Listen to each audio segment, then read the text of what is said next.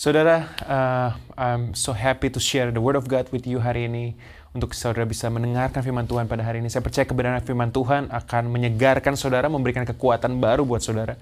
Dan saya percaya bahwa segala sesuatu yang saudara dengar hari ini akan berguna untuk membangun kehidupan saudara. So wherever you are, I believe God has special words for you.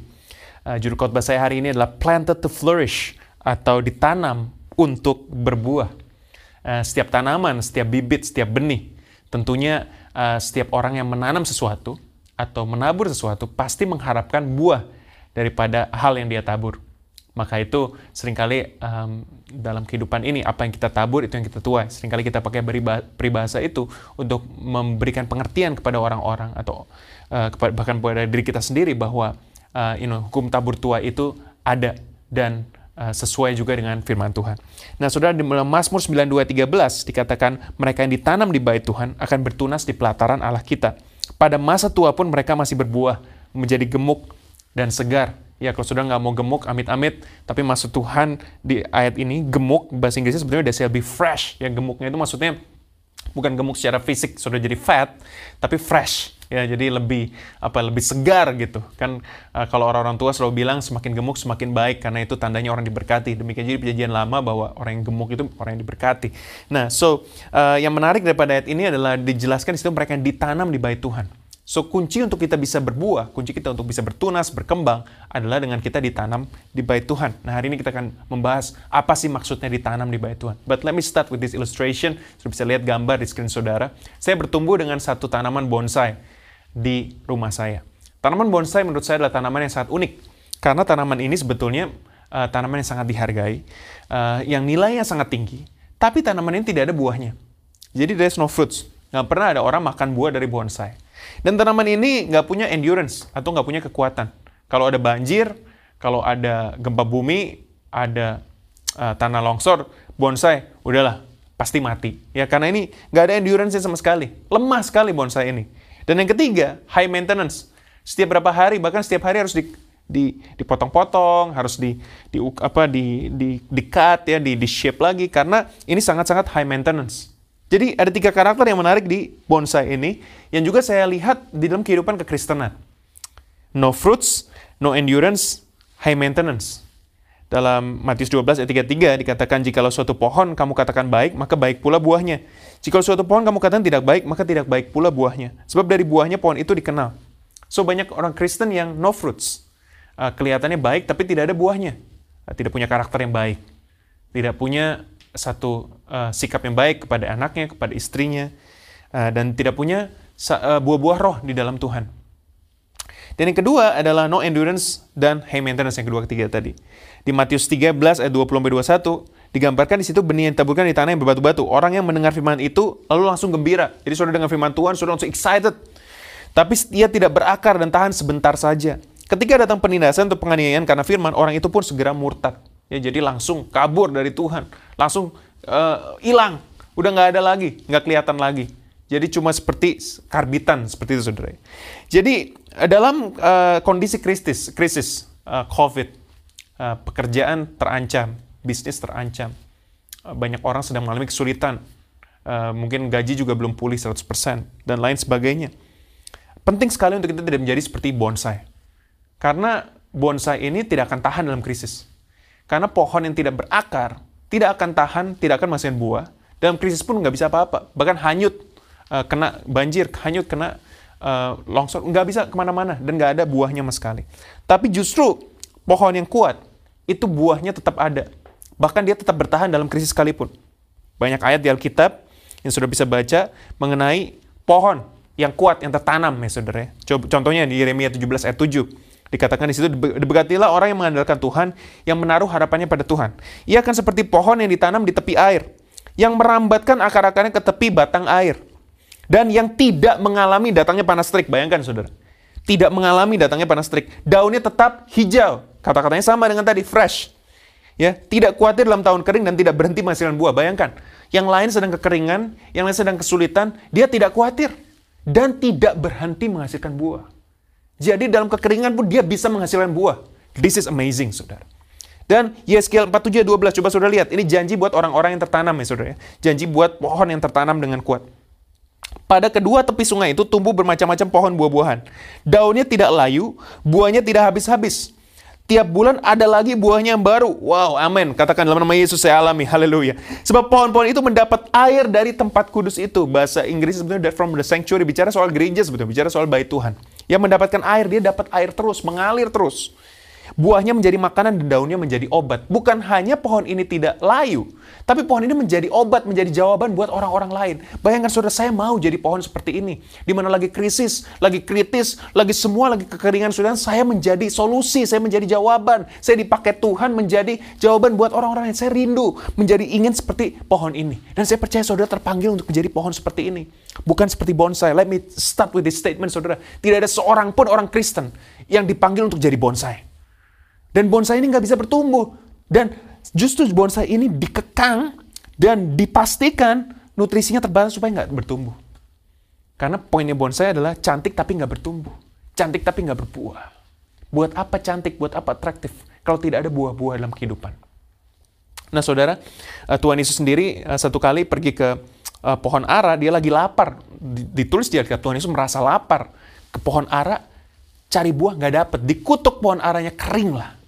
Dan Tuhan Yesus bilang buah itu penting sekali saudara. Kenapa penting? Karena justru dari buahnya kita dikenal. Nah banyak orang dalam kondisi yang baik, buahnya kelihatan. Ke gereja terus, persembahan terus, kasih yang terbaik buat Tuhan, melayani. Apalagi di Keras Cathedral, saudara, kita diberkati dengan fasilitas yang puji Tuhan, uh, sesuai dengan kemurahan Tuhan, fasilitas yang yang baik. Ada kapel doa, ada kolam baptisan, ada kids playground dan uh, kids facilities. Ada anak saya juga seneng naik kereta-keretaan dan lain sebagainya. Waktu everything going really well, tentu kelihatan buahnya. Kelihatan orang datang ke gereja, uh, ibadah rame, um, ada amin, amin kencang, apalagi jam 11 ya, tepuk tangan dan lain sebagainya. Kelihatan, sungguh megah, sungguh meriah. What happened when the church was burned to the ground? Tahun lalu ada api yang melanda begitu berat sehingga main sanctuary kami rusak total. Dan juga apa yang terjadi waktu lagi COVID. Ya, awal-awal online service semua masih excited. Uh, dan bukan hanya di gereja kami. Viewership sangat tinggi di seluruh dunia. Tapi mulai ada kejenuhan. Karena katanya sekolah online, kerja online. Masa gereja online juga? Udahlah nggak usah gereja. Saya tanya buat saudara. Sekolah online saudara datang. Kerja online saudara masuk. Gereja online saudara nggak ibadah. Apakah gereja kurang penting? Atau lebih penting kerja, lebih penting sekolah daripada gereja? Tentunya tidak. Saudara juga pasti bosan kerja, saudara tetap kerja, benar nggak? Saudara bosan sekolah, saudara tetap sekolah. Saudara bosan gereja online, why? Saudara berhenti ibadah. Pada firman Tuhan bilang, janganlah membiasakan diri menjauhkan diri dari pertemuan-pertemuan ibadah seperti yang biasakan banyak orang. Sekarang kita pertemuan semua online. Tentu secara daging saya juga sudah dua hari berturut-turut saya mimpi khotbah di depan saudara di main sanctuary yang baru. Tapi Tuhan belum memenuhi mimpi itu. It's okay. Tapi maksudnya apa? Penting sekali. Karena saudara kelihatan buahnya waktu lagi dalam kesulitan. Kalau saudara nggak bosen, saudara semuanya berjalan dengan baik, saudara datang gereja, berbuah itu normal. Tapi justru saudara dalam kondisi sulit, bosen, capek, jenuh, saudara tetap setia beribadah, tetap setia berkomunitas. Di situlah buah saudara yang sebetulnya kelihatan. Dari buahnya lah kamu akan mengenal mereka. Ya, seperti pernikahan lah. Oh, kita bicara pernikahan ya waktu kita lagi uh, exchange wedding vows dalam susah maupun senang nangis-nangis semua kan dalam sakit maupun sehat. Terus berapa kali saya lihat banyak keluarga di Indonesia dan di luar negeri. Suaminya dari kaya begitu bangkrut saudara mobilnya dari Mercy uh, jadi dijual semua nggak ada mobil bahkan mobil butut. Istrinya meninggalkan dia. Katanya oh terkutuk ini keluarga. Padahal sudah janji di hadapan Tuhan dalam susah maupun senang ya punya anak yang mungkin tidak memenuhi ekspektasi, mungkin special needs, ditinggalkan anaknya. Bukankah itu buahnya terlihat di situ? Istri saudara cantik, ya, ya suami saudara ganteng, istri melahirkan dua anak, tiga anak, ya badan juga berubah, ya wajah juga berubah. Namanya kecantikan itu kan hati sebetulnya. Ya wajah pasti berubah lah. Uh, kemarin lihat uh, Friends Reunion, uh, Friends TV show yang sudah sukses sekali selama bertahun-tahun, 12 tahun lebih kalau tidak salah, 10 tahun lebih. Um, sudah beda semua muka wajah-wajahnya yang tadinya kencang-kencang semuanya, cantik, ganteng, sudah gemuk sekarang, uh, lebih keriput, rambutnya putih semua. So, when our, the people that we love, pasangan kita wajahnya berubah, mungkin nggak secantik dulu, seganteng dulu, apa kita tetap setia? Dan itu adalah buahnya. Di mana dalam kondisi yang mungkin sudah tidak sebaik yang dulu. Tapi kita tetap setia. Itu kan buahnya terlihat di situ. Demikian dalam kekristenan, saudara. Apakah saudara tetap setia dalam gereja saudara, dalam pelayanan saudara, dalam persekutuan komunitas saudara, waktu keadaan tidak baik? Waktu keadaan baik, of course semua setia. Dan di situlah terlihat apakah saudara bonsai atau saudara, atau saudara pohon yang tertanam di tepi sungai. Saudara adalah pohon yang tertanam di tepi sungai, walaupun kondisi sulit sekalipun, dalam nama Tuhan Yesus saya percaya saudara, sudah akan berbuah-buah. Percaya katakan amin. Tapi saudara, sering kali kita dicobai dan kita tertempted. Waktu kondisi buruk sedang terjadi, kita tempted untuk bisa cabut. Tempted untuk udahlah nggak usah tertanam lagi. Tempted untuk udah udah capek, udah bosan, udah jenuh. Contohnya tadi di, di ayatnya di Matius 13 20. Begitu benih ditaburkan tanah berbatu-batu, mendengar firman langsung gembira, happy. Tapi nggak berakar dan tahan hanya sebentar saja. Begitu datang penindasan penganiayaan, orang itu pun segera murtad. Segera murtad mohon maaf saudara, semoga ini uh, tidak menyinggung saudara. Saya akan berkata ini secara uh, detail, secara secara terang terus terang. Saya paling sedih, paling sedih itu dengar cerita orang pindah agama untuk menikah. Apa pun itu. Saya paling sedih. Istilahnya mengiring Tuhan. Mengiringmu seumur hidupku. Tapi karena mungkin perempuan, sudah umur 30-an, mengiring Tuhan kok nggak dapat dapat nih pasangan katanya kalau Tuhan mengasihi saya uh, seperti Pastor Risa katakan tadi pohon di tepi air katanya berbuah saya nggak dapat dapat sudahlah rela untuk pindah meninggalkan Tuhan Yesus untuk menikah dengan pasangan yang tidak mengenal Tuhan demi aman supaya dapat jodoh Tahukah saudara bahwa Tuhan Yesus tidak pernah kekurangan berkat buat saudara? Nah, sering kali seperti itu karena kita tidak sabar menunggu. Maka kita goyah. Cobaan. Aduh, tantangan. Udah deh, saya nggak lagi mengiring Tuhan. Saya tidak lagi uh, melayani Tuhan. Saya pindah aja. Pindah baik itu, you know, secara faith, secara iman, ataupun pindah uh, secara tidak lagi tertanam di gereja lokal. Nah, planted Christians are fruitful. Nah, kalau tadi kita udah bahas bonsai Christian ya, tidak ada endurance-nya, tidak ada akarnya, tidak ada buahnya. Bayangkan, udah nggak ada akar, ya, nggak berakar, nggak berbuah, nggak punya apa-apa, cuma cantik aja kelihatan bagus.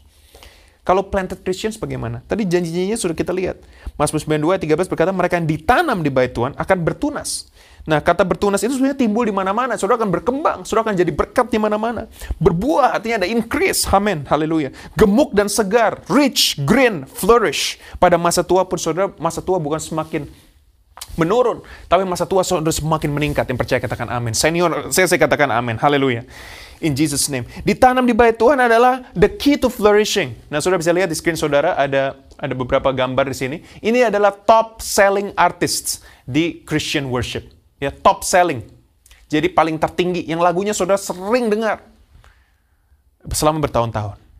Apa yang apa yang sama daripada band-band ini? Hillsong, Shakers, Elevation Church, even Battle Worship, apa yang sama? Mereka semua adalah dari gereja lokal. Dan ini membuktikan firman Tuhan di mana bahwa orang-orang yang tertanam di gereja lokal itu akan dipakai Tuhan sehingga mereka berkembang. Tahukah saudara banyak penyanyi-penyanyi eh, sekuler sekarang, bahkan yang sekarang sudah nggak ke gereja lagi, tapi waktu kecil mereka itu tertanam di gereja lokal. Mereka nyanyi di choir. Contohnya Tina Turner, Whitney Houston, John Legend, bahkan Justin Bieber sampai hari ini masih nyanyi di gereja. Kenapa ini? Ada apa sih dengan gereja? Karena ada secara teologi sudah sudah jelas diatur di Mazmur. Orang yang ditanam di bait Tuhan pasti bertunas. Yang percaya katakan amin. Pasti bertunas. Saya katakan ke semua anak muda, orang tua, umur berapapun saudara. Kalau saudara tertanam di gereja lokal, saya pastikan, Tuhan pastikan, talenta saudara berkembang, kehidupan saudara berkembang, hidup saudara diberkati. Itu sudah dijamin di Alkitab, saudara. Nanti saya akan jelaskan pada saudara kenapa banyak orang yang tidak mengalami. Nanti saya akan jelaskan buat saudara di akhir khotbah saya. But stay with me for now. What does it mean to be a planted Christian? Nah ini banyak sekali dan salah satu alasannya kenapa orang uh, gagal untuk berbuah walaupun dia sepertinya planted. Ya sepertinya planted. Saudara, saudara kalau nanam tanaman, Kelihatan nggak sih mana yang berakar, mana yang nggak? Nggak, nggak kelihatan. Yang akarnya dalam nggak kelihatan sama yang akarnya nggak dalam. Benar nggak saudara? Ya, saudara tahu dari mana uh, tanaman itu mana yang akarnya dalam dan yang nggak? Gampang. Coba cabut aja. Waktu tekanan terjadi, kelihatan mana tanaman yang, waduh susah banget. Saya lagi pernah mau cabut tanaman di rumah papa saya, saya mau beresin semua tanaman. Eh, rumah saya di, belakang di backyard saya. Kita mau, udah saya nggak suka uh, lihat tanaman-tanaman, udah saya mau mau beresin semua deh. Jadi kita cabut kayak kecil, sudah. Waduh, berat banget.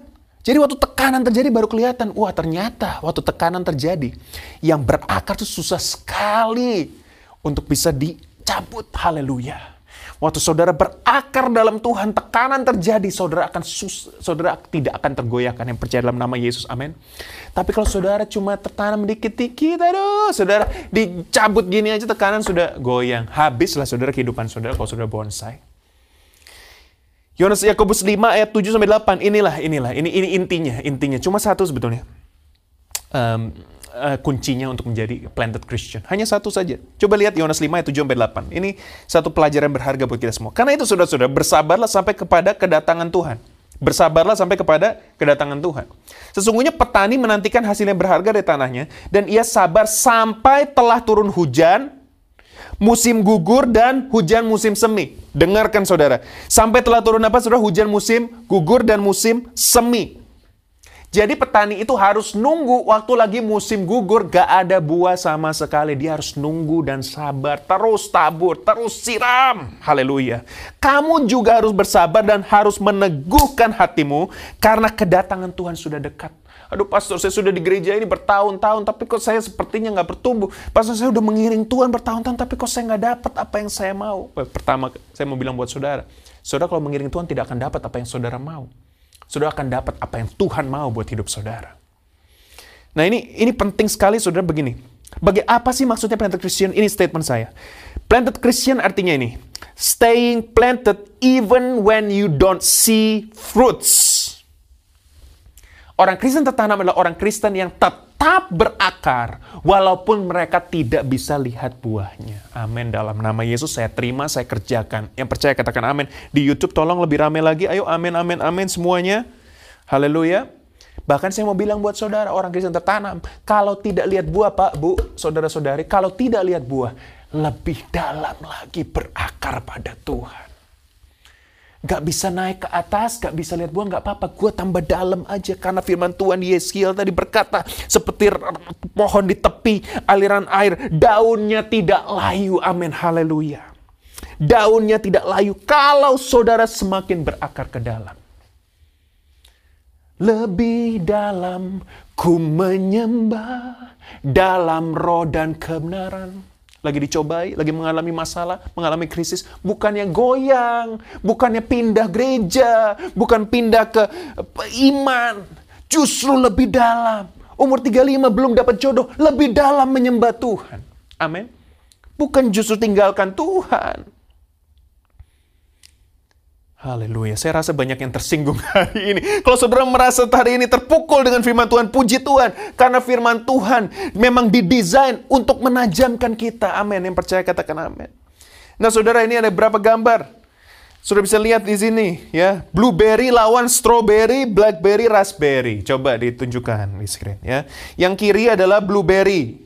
Yang kanan strawberry, blackberry, raspberry. Saya tanya saudara, ini mirip nggak? Mirip, saudara bilang. Bedanya apa? Saudara, tanaman beda-beda masa berbuahnya. Strawberry, blackberry, raspberry itu cepat sekali berbuahnya. Tapi blueberry itu berbuahnya bisa 3 sampai 5 tahun. Ya, kalau saudara lagi tanam pohon blueberry itu bisa 3 sampai 5 tahun. Tapi begitu berbuah, dia akan berbuah cepat. Cuma dari awal saudara tanam sampai berbuah itu tunggu 3 sampai 5 tahun. Tapi kalau strawberry, blackberry, raspberry cepat. Jadi saudara jangan samakan orang lain, wah dia baru ikut Tuhan 6 bulan. Promosi lo dari manajer ke direktur. Saya sudah 6 tahun gak naik-naik ke direktur. Orang beda-beda saudara progresnya. Ada orang-orang tertentu, saya ingat sekali, saya main bass, belajar bareng sama temen di gereja. Ada anak kecil, bukan anak kecil, jadi umur 13 tahun dia main bass, belajar cuma 3 bulan langsung jago banget sudah. Saya belajar sama teman saya sudah satu tahun nggak bagus-bagus mainnya. Sampai hari ini saya main nggak bagus main bass, biasa aja mainnya. Kenapa? Karena waktu beda-beda, saudara. Waktu beda-beda. Dan uh, orang untuk bisa bertumbuh, it takes time. What happen kalau petani uh, blueberry ini ya dia tanam tanamannya, dia lihat temennya nanam strawberry, nanam raspberry, nanam blackberry, dia bilang, aduh, gue ini kayaknya tanahnya dikutuk nih. Dua tahun nggak berbuah-buah, udah deh dibuang aja atau gue ganti deh saya jadi tanam strawberry aja. Maka kalau semua petani blueberry seperti itu tidak ada namanya buah blueberry di dunia ini. Saudara sering begitu, aduh bisnis ini kayaknya ah martabak udah kebanyakan ya. Udah ganti lah kue kue kue apa tuh? Udah ganti brownies saja brownies saja aduh brownies kayaknya nggak laku. Ini ganti deh kita bikin gado-gado ya. Aduh gado-gado nggak laku bikin yogurt. Yogurt nggak laku bikin es krim. Saudara 20 tahun saudara ganti 400 menu saudara. Nggak akan bertumbuh nggak akan ke mana-mana. Stay planted. Do what you're good at and do it with excellence in Jesus name. Saya tahu saya main musik nggak bagus biasa aja saya tahu saya olahraga nggak bisa jadi uh, profesional footballer. Saya harap anak saya bisa. Ya. Tapi saya tahu saya bisa apa? Saya bisa ngajar. I will teach with excellence. I will preach with excellence. I will do it. Walaupun pertama kali saya khotbah, saudara, ya, pertama kali saya khotbah di, di, di Melbourne, itu jemaat cuma 9 orang. Hanya 9 orang. Sampai momen di mana Beberapa tahun kemudian di Atmosphere Conference, waktu itu namanya Transformers, belum ada Atmosphere Conference, saya khotbah depan 5.000 orang penuh sesak. Dan juga di Christmas, it doesn't happen within 24 hours. Tapi walaupun yang dengar 9 orang, saya masih berkhotbah dengan level energi yang sama, persiapan yang sama seperti saya khotbah di depan 9.000 orang. I don't care. Karena buat saya, it takes time to grow. Amen. Buat saudara yang sedang mengejar sesuatu, it takes time to grow. Itu apa memakan waktu Anak tuh bertumbuh memakan waktu. Saudara pikir saudara pastor, anak saudara langsung jadi pastor. No. Dia makan waktu untuk dia bisa bertumbuh, mengenal Tuhan, belajar Alkitab. It's gonna take time. So what does it mean to be planted Christian? Ingat ini saudara. Tetaplah tertanam walaupun saudara tidak lihat buahnya. Tetap tertanam. Saudara lihat jambu air. Jambu air nih, buah ya. Ini mertua saya soalnya uh, sekarang suka nanam tanaman di rumah jadi banyak saya jadi banyak ngerti. Ya, dalam kurun waktu enam bulan tanaman jambu air sudah berbuah. Wah, puji Tuhan, haleluya, amin. Namun biasanya buah perdana ini mutunya tidak terlalu baik. Untuk mendapatkan buah yang sempurna setelah tanaman berumur dua tahun, baru buahnya sempurna. Sekali panen, petani bisa mendapatkan buah sebanyak 25 kg per pohon. Haleluya. Atau 75 kg per tahun per pohon jika panen bisa tiga kali. Amin. Haleluya. Tapi buah perdananya biasanya nggak baik. Jadi saudara kadang-kadang, oh sudah ke gereja, haleluya, saya udah ikut FC, Next Steps, FX, Empower, diikutin semua. Apply lah kerjaan, eh ditolak. Atau sudah kerja, eh downgrade, ya atau gajinya dipotong. Aduh buahnya kok nggak baik saudara, itu buah perdana nggak selalu baik. Saya pertama ngajar juga belepotan saudara, diketawa student juga meremehkan saya. Saya kasih nilai student C, dia marah-marah di depan semua orang, malu saya, ma muka saya merah, mau nangis saya, saudara. Walaupun gayanya tinggi begini, tapi tetap hatinya Hello Kitty, saudara. Gampang nangis. Saya khotbah depan uh, Saudara berapa tahun? 2007 waktu itu? Di masih di UPA Grand Chapel. Gemeteran saya tuh saudara nggak lihat. Gemeteran itu saya gini-gini gemet takut. Itu mikrofon juga pernah jatuh waktu saya lagi khotbah. Saya nggak akan pernah lupa. Tapi I don't give up. Karena buah perdana biasanya nggak selalu baik tapi begitu saudara kerjakan terus bagian saudara, kerjakan terus, kerjakan terus, tetap tertanam, tetap berakar, baru baru nanti buahnya yang baik. Kalau buahnya sudah baik, saudara, jambu air saja bisa berbuah 25 kg per pohon, 75 kg per tahun, apalagi dalam Kristus, buah-buahmu tetap dalam nama Yesus. Amin. Saudara akan berbuah-buah kalau sudah tetap berakar. Kerinduan kami V1024 mengembalakan 10 ribu jemaat tertanam di tahun 2024 kalau sudah belum tertanam, please be planted. Kenapa? Sudah diatur di Alkitab 3000 tahun lalu. Daud yang tulis oleh inspirasi pewahyuan Tuhan. Saudara yang tertanam di gereja lokal. Pasti saudara bertumbuh berbuah, amin. Dalam nama Tuhan Yesus. Are you ready to be planted? Dan saya punya statement ini buat saudara. Ya, saya, semoga saudara mengerti hal ini. Pastor boleh nggak sih pindah gereja? Let me share this statement. Mungkin boleh dibantu, nggak usah tulisan mungkin ya. Tapi uh, I want you to remember this. It's okay untuk pindah gereja, tapi nggak okay untuk pindah-pindah gereja. Sekali lagi, it's okay untuk pindah gereja, tapi nggak oke okay untuk pindah-pindah gereja. Apa bedanya pindah gereja sama pindah-pindah gereja? Pindah gereja itu, oh tidak cocok di sini contohnya. Karena saya harus pindah keluar kota. Atau, oh saya lebih cocok di tempat itu karena saya lebih cocok dengan pengajarannya, lebih cocok dengan komunitas. It's okay. Kalau pindah gereja, itu seperti tanaman. Oh nggak cocok di, di tanah ini, oke saya pindahin ya ke tanah yang lain ke pot yang lain, ke lokasi yang lain, mungkin dapat lebih banyak sinar matahari. Tapi nggak oke kalau sudah pindah-pindah gereja. Itu kayak sudah tanaman dicabut dari tanah ini, oh nggak berbuah, oke pindahin ke tanah lain. Minggu depannya pindahin lagi, minggu depan pindahin lagi. Itu namanya binge, saudara ya, binge eating. Di mana saudara kayak YouTube aja, oh minggu ini ke gereja A, minggu depan ke gereja B, minggu ketiga ke gereja T, wah cari aja, cari terus. Saudara nggak akan pernah bertumbuh. Nggak bisa, saudara. Please, jangan pindah-pindah gereja. Doa kepada Tuhan, Cari gereja di mana Tuhan mau saudara berakar, bertumbuh, dan berbuah. And stay there until God tells you otherwise. Kecuali Tuhan bilang, pergi, you pergi.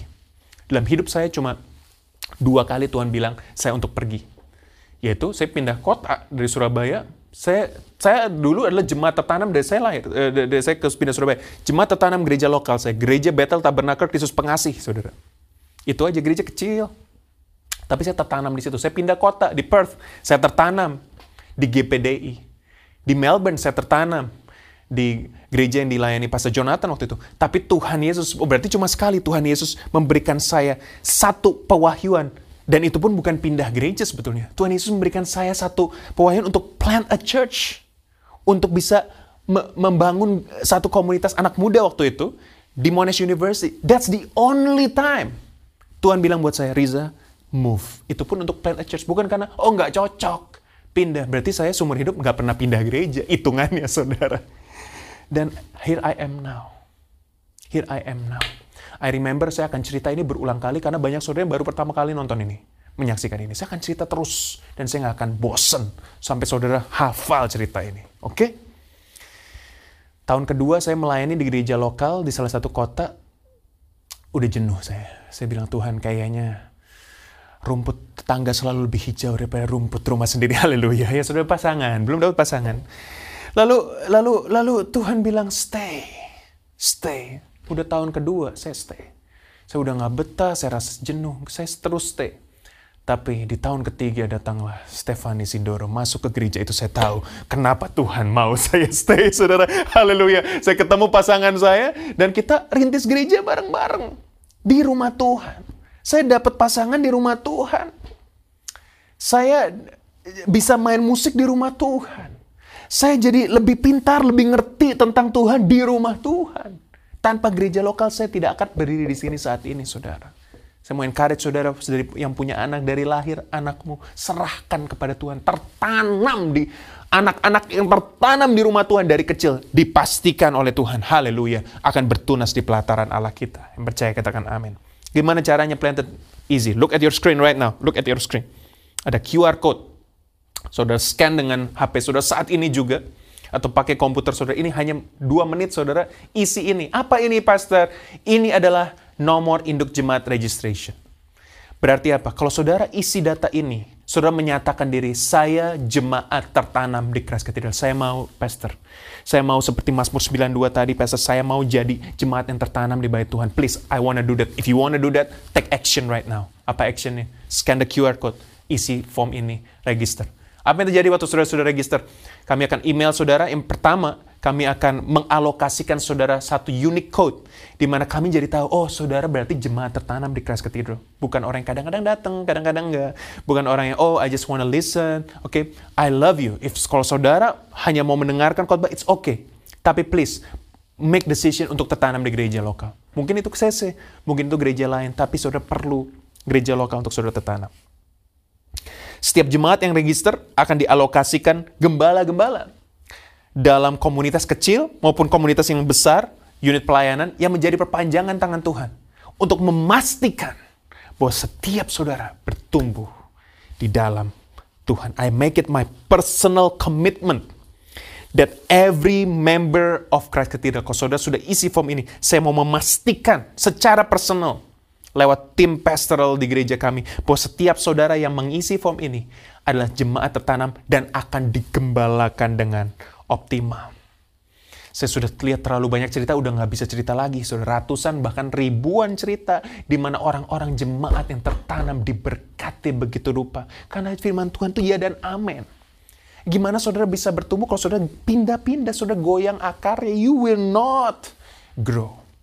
So, my message for you, right now on your screen, sudah satu menit lebih mungkin di screen ini, di QR code ini.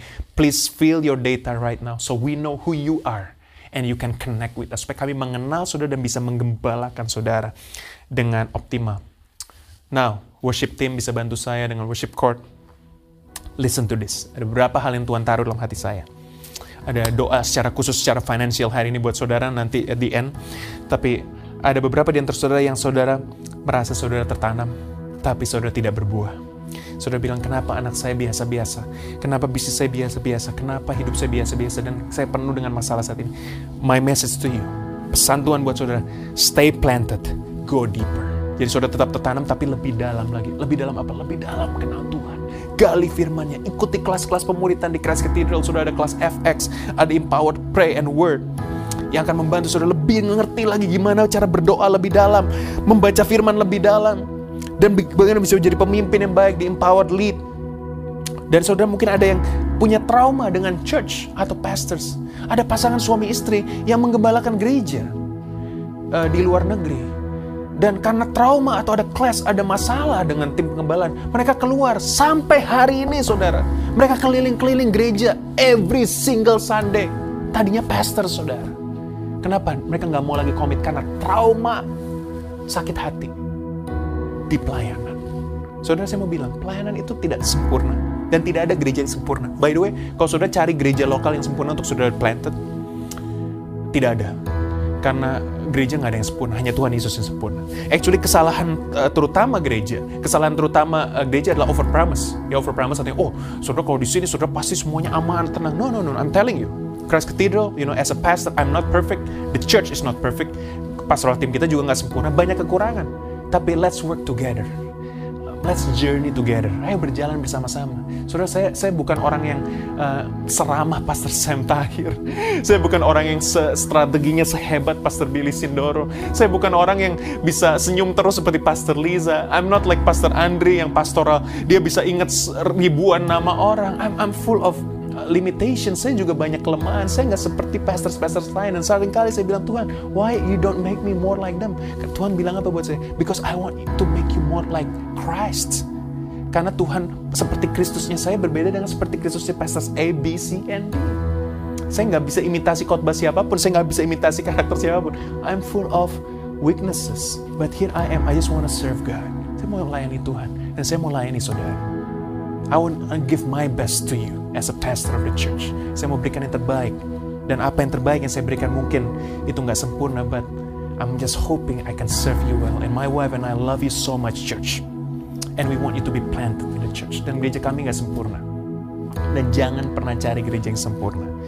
Yeremia 17 ayat 7 berkata, diberkatilah orang yang mengandalkan Tuhan, bukan mengandalkan gereja. Saudara di, di expect untuk saudara diminta Tuhan untuk tertanam di gereja. Tapi jangan andalkan gereja, andalkan Tuhan. Karena gereja tidak selalu bisa menjawab kebutuhan spesifik saudara. Uh, kami mencoba menolong menolong sebanyak orang, sebanyak mungkin orang dalam kondisi COVID, dalam hal ekonomi, dalam hal kesehatan. Tapi kami juga terbatas. We don't have that many uh, oxygen tape, apa tubes, uh, orang perlu rumah sakit juga kami lakukan yang terbaik. Tapi beberapa kali saudara mungkin kecewa dengan gereja, bukan saya mungkin gereja lain dan lain sebagainya, karena saudara berharap bahwa uh, gereja bisa memenuhi semuanya kebutuhan saudara. No, we can't. But we promise you one thing, we will do our best to serve you. Kami akan lakukan yang terbaik untuk melayani saudara. Musik kami nggak sempurna, ini keren sih, tapi nggak sempurna. But we will do our best every single week, every single day to serve you. Just one thing we want from, from you, church. Cuma satu hal yang kami minta dari saudara. Stay planted. Work with us. Journey with us. Berjalan bersama sampai Tuhan Yesus datang. Gereja yang nggak sempurna ini, kita umat yang nggak sempurna ini berjalan bersama-sama. Di mana kita disempurnakan. So, register uh, one, one more time. Register yourself to be planted at the church with the QR code on your screen supaya saudara bisa benar-benar tertanam, bertumbuh dan berbuah. So let me pray for you kalau saudara kepahitan, trauma, rasa takut. Dan yang kedua adalah bankruptcy. Uh, waktu saya siapkan firman Tuhan ini, Tuhan sedang uh, berikan secara specifically about bankruptcy, tentang bangkrut ya, dan masalah financial. I want to pray specially for you uh, at the end nanti setelah doa berkat. But let me uh, use this opportunity untuk memberikan saudara kesempatan. Adakah saudara saat ini belum pernah menerima Tuhan Yesus sebagai Tuhan dan Juru Selamat dalam hidup saudara? Kalau itu saudara, saya rindu untuk mengundang saudara menerima dia sebagai Tuhan dan Juru Selamat dalam hidupmu supaya hidupmu tidak sama lagi. Hidupmu akan berubah karena dia akan mengubah hidupmu. Kalau saudara nggak yakin, mungkin pernah dulu menerima Tuhan tapi saudara nggak yakin, ucapkan doa ini bersama dengan saya sekali lagi. Oke, okay? let's do it. Tuhan Yesus, hari ini Aku menerima Engkau sebagai Tuhan dan Juru Selamat dalam hidupku. Jadilah Raja atas hidupku Tuhan. Hidupku tidak akan sama lagi karena Tuhan Yesus ada dalamku selamanya Kau Tuhanku, selamanya Kau Rajaku. Di dalam nama Tuhan Yesus aku berdoa. Amin. Kalau saudara sudah berdoa yang kita ucapkan bersama tadi, selamat datang di keluarga Tuhan. Gereja menyediakan resources untuk membantu saudara bisa bertumbuh dalam pengenalan Tuhan. So please scan the QR code on your screen or download the the, the resources from our website supaya saudara bisa mengerti lebih lagi siapa itu Tuhan Yesus, kenapa dia datang, dan apa rencananya dalam hidup saudara. Dan saat ini saudara kita akan mengakhiri ibadah ini dengan menerima doa berkat. Secara khusus saya akan berdoa secara financial buat saudara kalau saudara punya financial problem. So let's just raise your hand. Angkat tanganmu arahkan uh, ke surga. Buka hatimu buat Tuhan dan terimalah berkat ini. Yang berkat rahmat dari Allah Bapa, kasih karunia tunggal Allah Tuhan Yesus Kristus, persekutuan daripada Rohnya Kudus menyertai kehidupanmu mulai hari ini sampai Tuhan Yesus datang kedua kalinya. Terutama pada hari ini Tuhan kami berdoa supaya kami stay planted, sampai kami ber, tetap berakar dalam kondisi badai, masalah apa pun Tuhan. Waktu kondisi tidak ideal, justru kondisi sulit, kami tetap berakar berakar di gereja lokal. Kami minta berakar dalam iman kami kepada Tuhan. Kami katakan saat ini Bapak, Hamba berdoa buat semua kutuk-kutuk kebangkrutan, buat semua masalah financial. Kami berdoa dalam nama Tuhan Yesus, semua masalah yang bukan dari Tuhan, kami kami singkirkan dalam nama Tuhan Yesus. Dan kami percaya semua masalah yang Tuhan izinkan terjadi, Tuhan akan memberikan kekuatan buat kami, untuk kami membangun kembali kehidupan finansial kami Tuhan. Membangun kembali Tuhan bisnis kami, membangun kembali Tuhan pekerjaan kami. Maka itu Bapak, kalau kami sedang kekurangan saat ini, kami sedang kesulitan, kami sedang pusing masalah uang Tuhan, kami percaya ada Tuhan yang lebih hebat dari uang. Ada Tuhan Tuhan yang lebih besar dari segala masalah kami. Kami serahkan problem kami dalam tanganmu. Terima kuasa Tuhan hari ini Bapak Ibu Saudara. Dalam nama Tuhan Yesus Tuhan katakan, I am uh, your Lord and your shepherd. I will satisfy your needs. Aku akan memenuhi segala kebutuhanmu menurut kekayaan dan kemurahan. Tuhan uh, ingatkan saya, Tuhan Yesus juga pernah berkata kepada murid-muridnya, kamu lihat burung-burung di udara, tidak perlu mereka uh, mereka nggak punya gaji, mereka nggak ada yang memelihara, tapi Tuhan memelihara kehidupan mereka. Masakan Tuhan yang begitu baik, gembala yang baik, tidak memelihara kehidupanmu. Mari saudara percaya Tuhan yang memelihara kehidupan saudara. Dia mempercayakan bisnis dalam hidupmu. Dia akan memberikan kekuatan untuk kau bisa mengelola. Hari ini Tuhan akan berikan special wisdom and special knowledge for you, so you can can manage and navigate through crisis from uh, uh, tanah yang kering. Saudara akan men menuju ke tanah yang subur karena Tuhan bersama denganmu dan pohon yang tertanam di tanah kering sekalipun saudara tetap berbuah. Terima ini saudara dalam nama Tuhan Yesus Kristus. Amin. Saya mau dengar kesaksian saudara karena saya percaya waktu saya berdoa tadi saudara ada ada Roh Kudus bekerja dalam hati saya ber, ber, berkata bahwa Tuhan memberikan special knowledge and special wisdom buat saudara, jemaat yang tertanam, untuk bisa navigate. Kata-katanya clear sekali.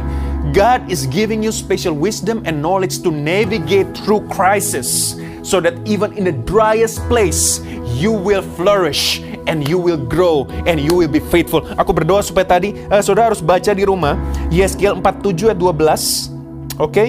Yeskiel 47 ayat 12, uh, baca Yeremia 17 ayat 7 dan ayat ke-8 ini penting sekali Saudara. Saya bacakan sekali lagi screen bantu saya Yeremia 17 ayat 7 sampai 8. Ini ayat penutup saya Saudara uh, setelah doa berkat ini orang yang mengandalkan Tuhan, yang menaruh harapannya pada Tuhan. Ia akan seperti pohon yang ditanam di tepi air, yang merambatkan akar-akarnya ke tepi batang air, dan yang tidak mengalami datangnya panas terik, yang daunnya tetap hijau, amin, yang tidak khawatir dalam tahun kering, dan yang tidak berhenti menghasilkan buah. Terima ini saudara, dalam nama Yesus aminkan dalam hidupmu, dan terima ini dengan imanmu, karena engkau akan mengalami ini. Engkau akan terus menghasilkan buah di tanah yang kering sekalipun. Saya percaya saudara diberkati firman Tuhan pada hari ini. Kalau saudara belum subscribe to our, uh, uh, YouTube channel, please subscribe. Follow us on social media dan juga kalau sudah member gereja lokal di tempat lain, stay planted in your church uh, karena Tuhan punya uh, rencana yang besar dan pesan yang penting lewat gembala gereja lokal di mana saudara berada. So, sampai di sini dulu pertemuan kita pada hari ini. Kita ketemu lagi minggu depan di jam yang sama, channel yang sama. God bless you church. See you next time.